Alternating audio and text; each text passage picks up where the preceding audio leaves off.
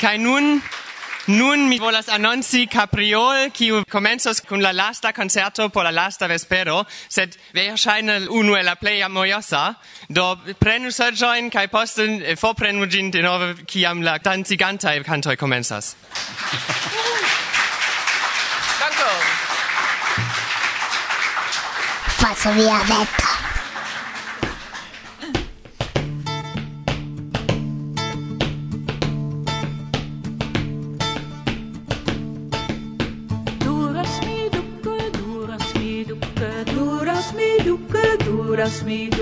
duras, mi duca duras, mi duca duras, mi duca duras. La cavalier cae un lince rivereto cune, dumac fostagnis en silent parolis amindume. Duras, mi duras, mi duca duras, amas mi duca dura Sed ciam trovis la knabin Che havo si infanon Si petis alla cavalier Accepti si a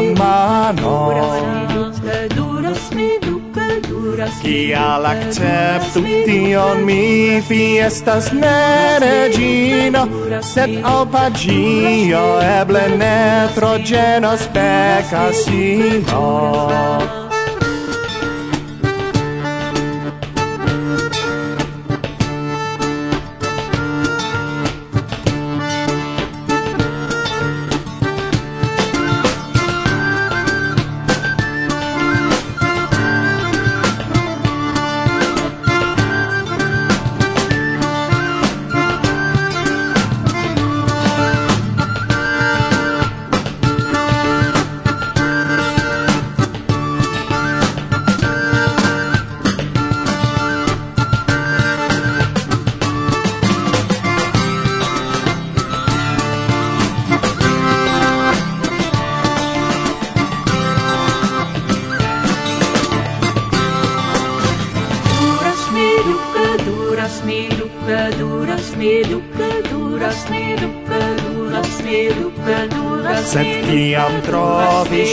fras che havo sci infanon li petis alla cavalira un cerco a compano.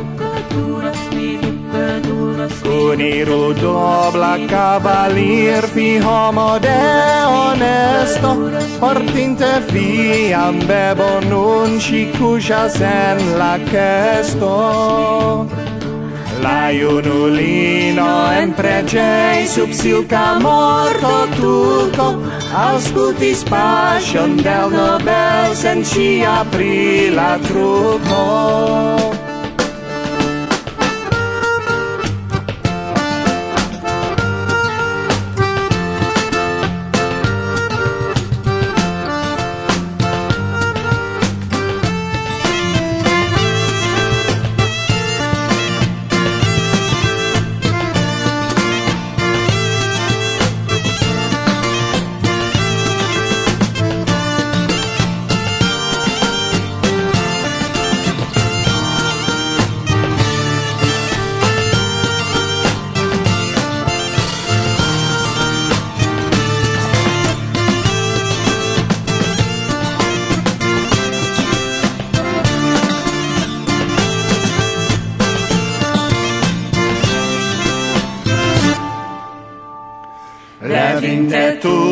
Tion cavalier observis ridan buscion, cae unu fingro movis sin sentante lian tuscion. nun, un carulin firino pleie bella, de nun mi restos apud fi eterne plei fidela.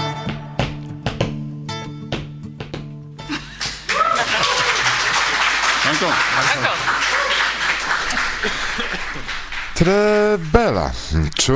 Belega, vere, mi consentas. Ec profunde romantica. Yes, li combinis, combinis, combinis, ricevis kai poste prifajfis kiel viroi ciam. Mm, kaj mi? No, vi estas escepteto. sed finfine cio finigis bone. Kaj probable ili vivis longe, longe, longe kai felice. En mezepoko tio ne eblis. Eblis, eblis, certe en Frislando. Maro, romanticai plagioi, suno. Kai ranoi. ce la maro.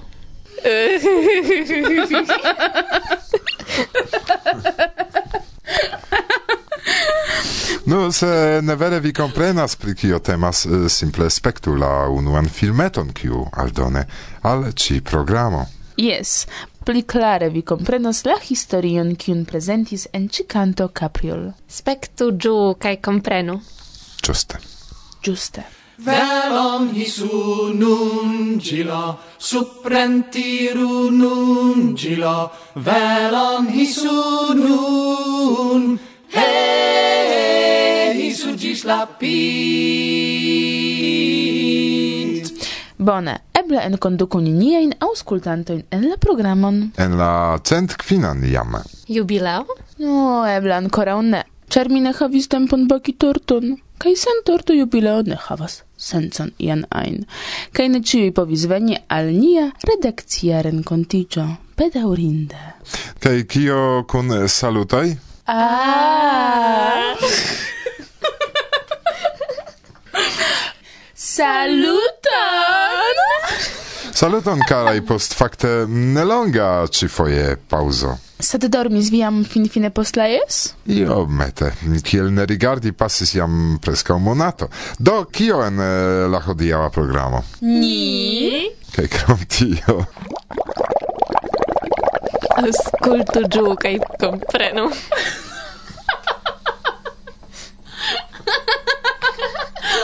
do, uh, eh, eh, serioze. Rencontigio kun Stefan McGill pri sen iluzi igioi kai esperoi rilate al UEA, la Universala Esperanto Asocio, kiu pri kio vi audas laboras ne nur pri la universalaj kongresoj. Muzike prezentiĝos Capriol, kiu laste eldonis sian duan kodon subtitolo Cavallirico. Tre bela disco. Kai finos nian programon interredakcia renkontigio kun la podcasta teamo de kern.info. Kun Eva kaj Johannes. Kiuj prezentas tre interesajn epizodojn pri diversaj temoj. Sed pri tio plej multe povas rakonti vi. Packu!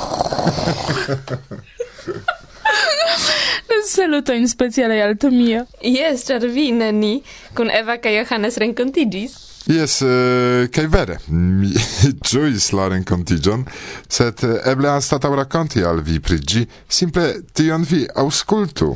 Kai la impresoj? Ŝi, li. No, Johannes havas barbon kaj Eva tre belajn okulojn. Neaŭdeblas en iliaj programoj. Do bone. Gis ciam la barbo de Johannes cae la belae oculoi de Eva audeblos en iliai programoi, ni invitas vin ausculti la niain. Barboin au oculoin. Programoin. Do, uh, la cent quina sendo de Varsovia vento. Bon venon. Bla. Bla. Bla. Bla.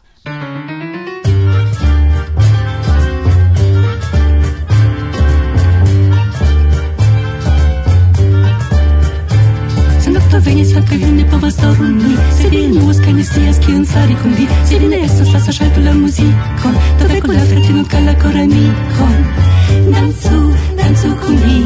Dancu, dancu Dancu, dancu kun mi.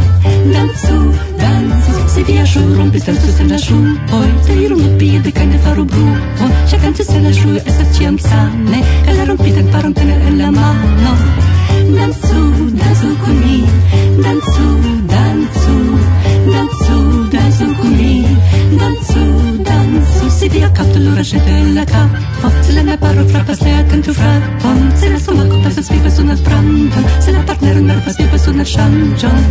Shanju, shanju con mi, shanju, shanju, shanju, shanju con mi, shanju, shanju, danzu,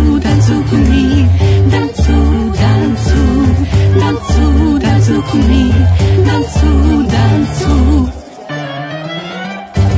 Verso via vento.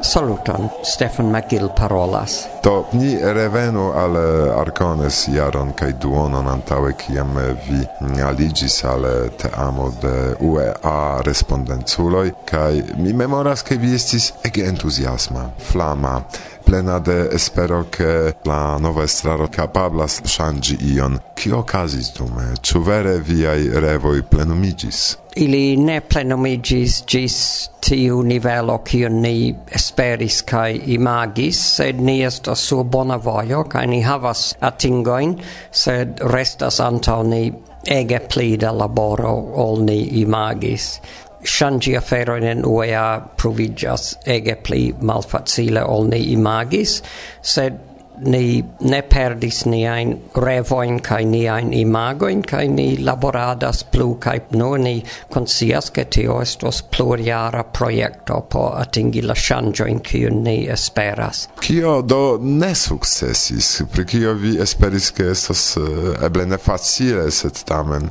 Do la unua evidenta estas la retejo de la asocio.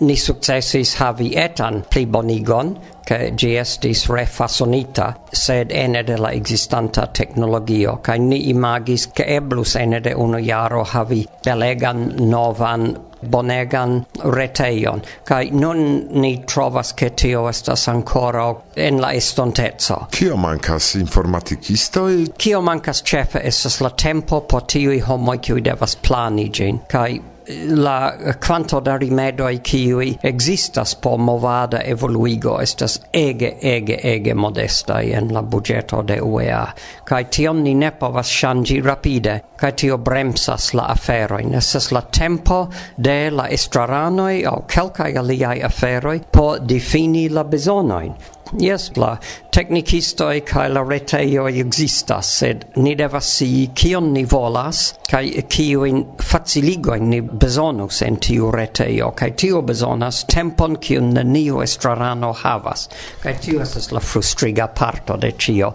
Do kio parali mallardigas la laboron, ĉu la distanco ke homoj loĝas iel malproksime kaj malofte renkontiĝas? O ne, ne, distanco ne ludas rolon en tio, se simple neniu el la estraranoj havas tiom da libera tempo.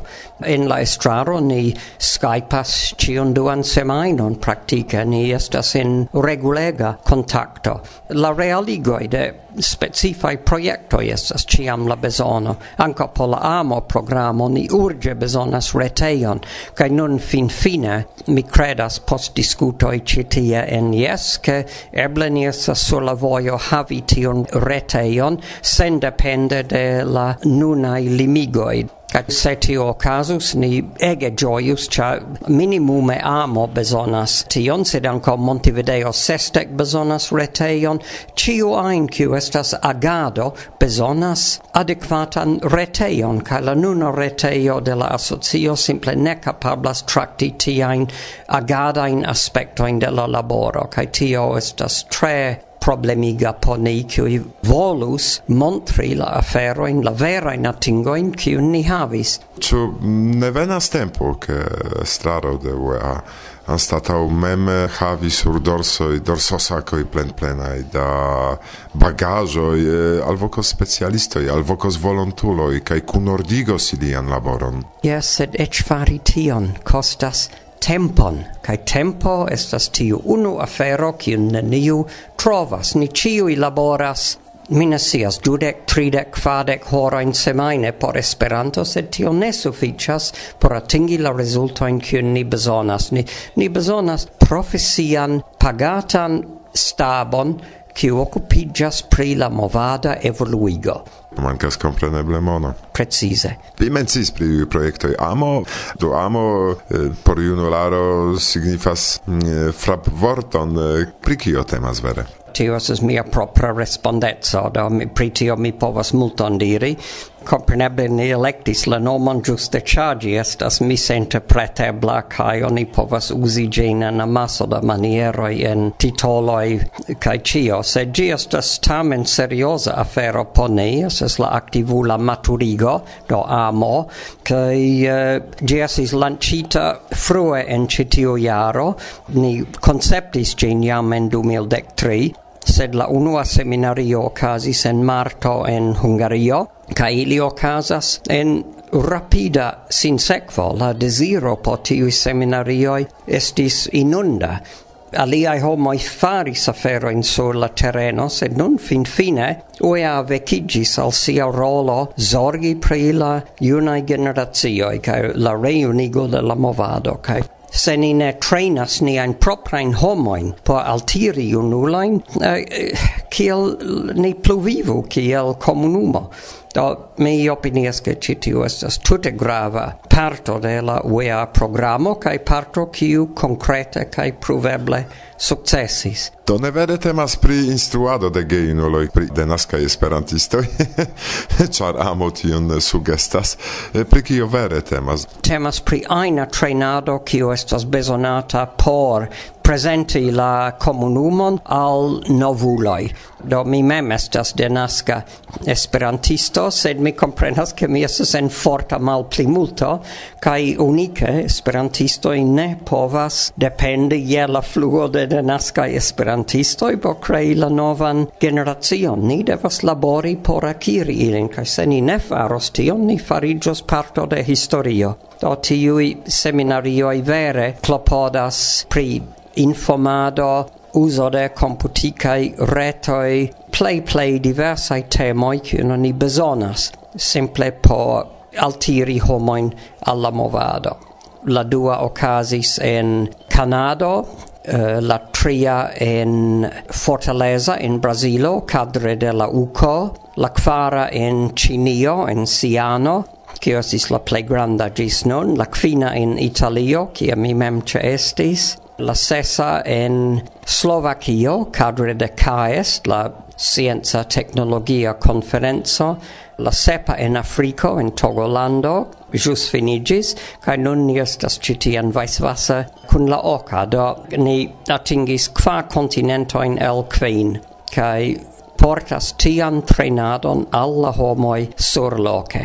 Noble calculi kiom da semadoi ocasis, ciu estas ricoltoi? Estas tre malfacile vidi la rectain ricoltoin, cae la plimulton ni versaine ec neniam excios. Ja, ni ne instruas la lingvon, ni instruas trainas homoin tu iam bone parolas la lingvon, kiel ili povas pli efike agi por kontakti giornalistoin, starigi retpaĝojn, fari cionain kiu necessas por progressigi la lingvon. Ĉu ekzistas iuj materialo en la reto ke homoj kiuj ekinteresiĝis pri amo serĉu pli da informoj simple? Ne, kiel mi diris, tiu retejo estas unu el niaj grandaj obstakloj kaj baroj. Ni simple ne kapablas aldoni al existanta retejo informojn pri la agado kaj nun ni havas planon por starigi paralelan retejon ene de la servi ilo de UEA, mi esperas che tio funccios, cae tie ni fin fine povas meti niain materialoin, cia mi havas la materialon, gi cusas en mia computilo. Mi no volas ion el pli juna generacio ol mia, kiu scias starigi ret pagioin, cae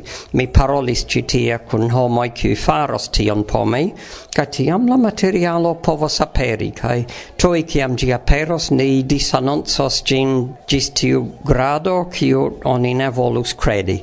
Ĉu portempe ne valoras exemple, cun labori cun educado net au lernu net?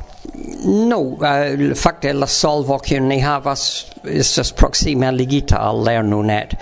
Tio estas vero. Uh, po educado net gi estus ioma tro vastigo de ilia terreno sed mi fidas nun che ni finfine havas la bonan solvon. Ni ludis kun la ideo meti la materialon en play diversaj locoi sed mi credas ke la nuna estus tio kiun ni electos. Amonau kio okazos? Amonau tuio casos, gi estos in Brasilo, en la quindeca Brasila Congresso en Rio, da gi estas facte compreneble seminario kai havos uh, bonan successon. Iam estos la dua en Brasilo, cia in Fortaleza en la pasinta julio ocasis en la Iocodo. Esos la unua lando cia la serio de seminarioi revenis duan foion.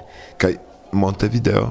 Do, gi compreneble celebras la sestec iarigion de la originala UNESCO declaro, kiu ocasis en Montevideo en 1954 en la UNESCO conferenzo, cae do ni faras tutan jaron po prifesti tion jubileon, cae ties culmino estos en Lillo, do mi mem persone havis grandain travivajoin lige cun tio, char la ilei conferenzo ocasis en Julio de la antaua iaro, giuste la malfermo ocasis en la nazia parlamenteio, ca tio ocasis la conferenzo de UNESCO in tiu tempo, cae la ceremonio havis tiom da homoi che gi devis esti eh, uh, occasigita in grandiosa aulo de tiu tute majesta construajo esis construita de Italo in 1911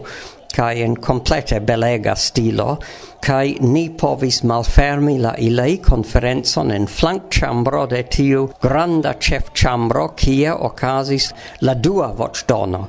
Cia eble vi sias che la unua vocdono estis malacceptita proximume proporzioi du contra unu cefe pro la intervenoi de professoro Blinkenberg el Danlando, kiu ridindigis eh, la tutan ideon pri Esperanto, kai faris scherzoin che eble Esperanto utilus po mendi mangion en Uruguaya restauratio Kai tio colerigis la tutan Uruguayan popolon, esas vi devus legi la tutan fonon de tio, esas kiel stretcha romano, esas ne imageble La tuta Uruguayo, la giornaloi kai cio, estis indignita de tio insulto alla Uruguaya queer capablo, kai la pena, kunesi sola, li havis teamon apud si, li povis mobilizi tian quanton da oppositio.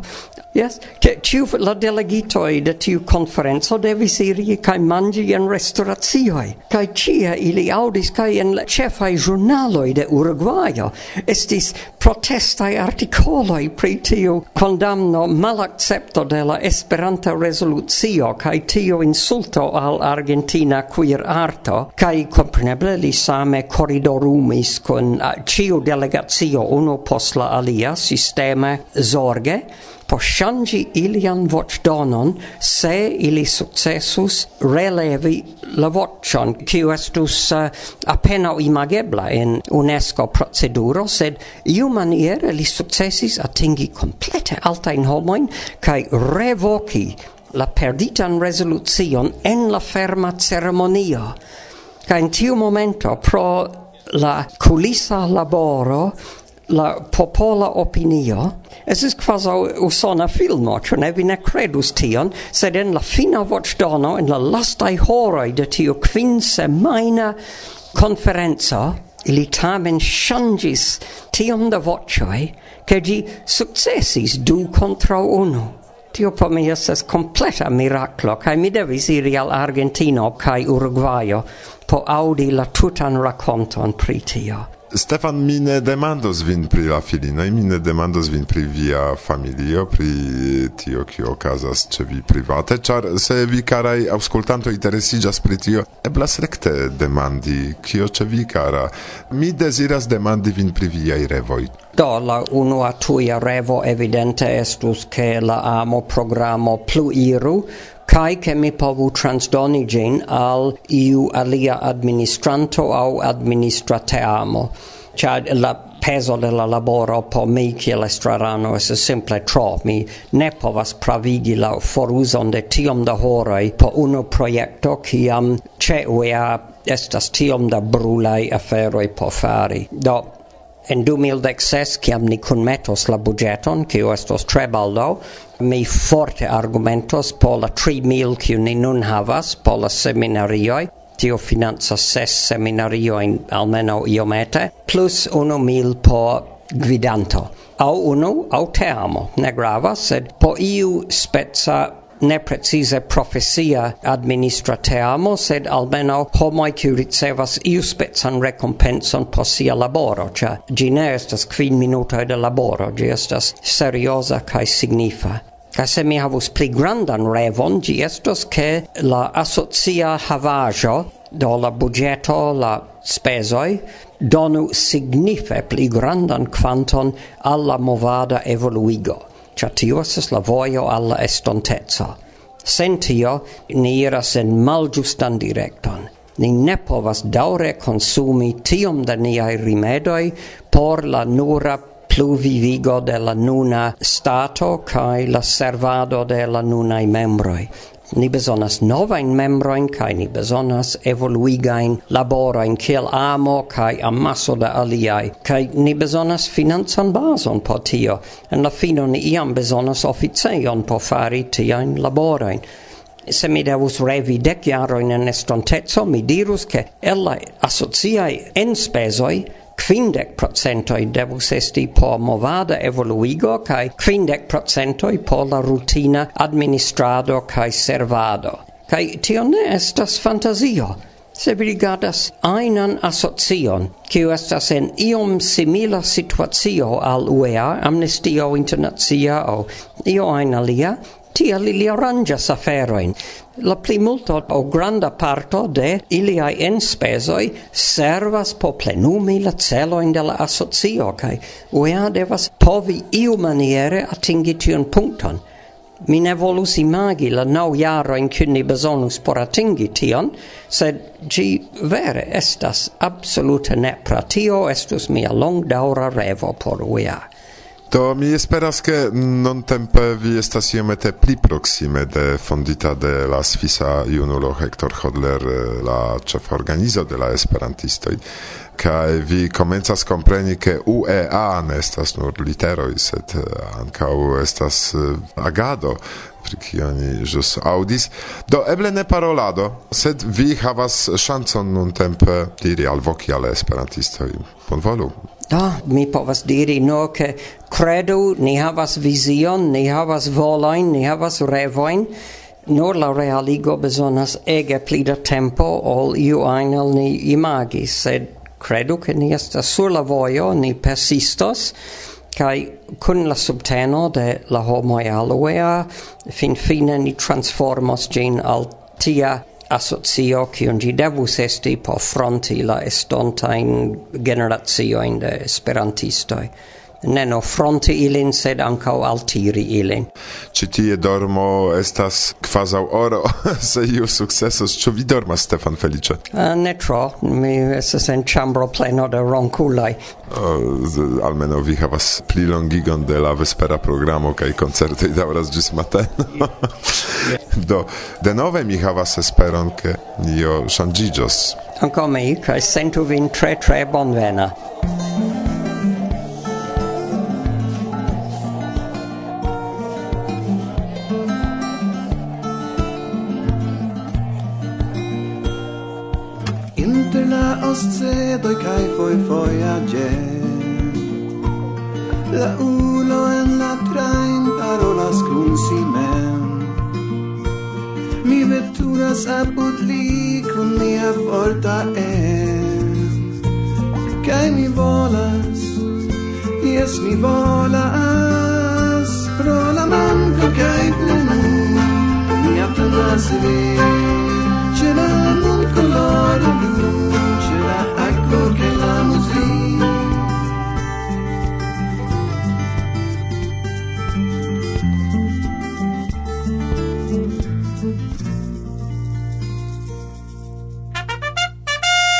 reklamo. Naskic urbo de Zamenhof Bielistoko serĉas volontulon, kiu laboros ekde aŭtuno 2015 dum naŭ monatoj. Se vi estas juna esperantisto el Eŭropo, se vi ŝatas aktive okupiĝi pri esperantaj projektoj, kiel instruado de la lingvo aŭ preparado de aranĝoj, kaj se vi deziras ekkoni Pollandon, polajn kulturon kaj lingvon, kontaktiĝu kun Bielistoka Esperanto Societo. Se vi dubas, pensu pri la pola manĝaĵo, kai suffice cree maiuna bialisto cateamo, cun kiu vi certe ne enuigas. Ret adreson vi trovos ce prescribo de la programo. Yes. Falso via vento, bla bla bla.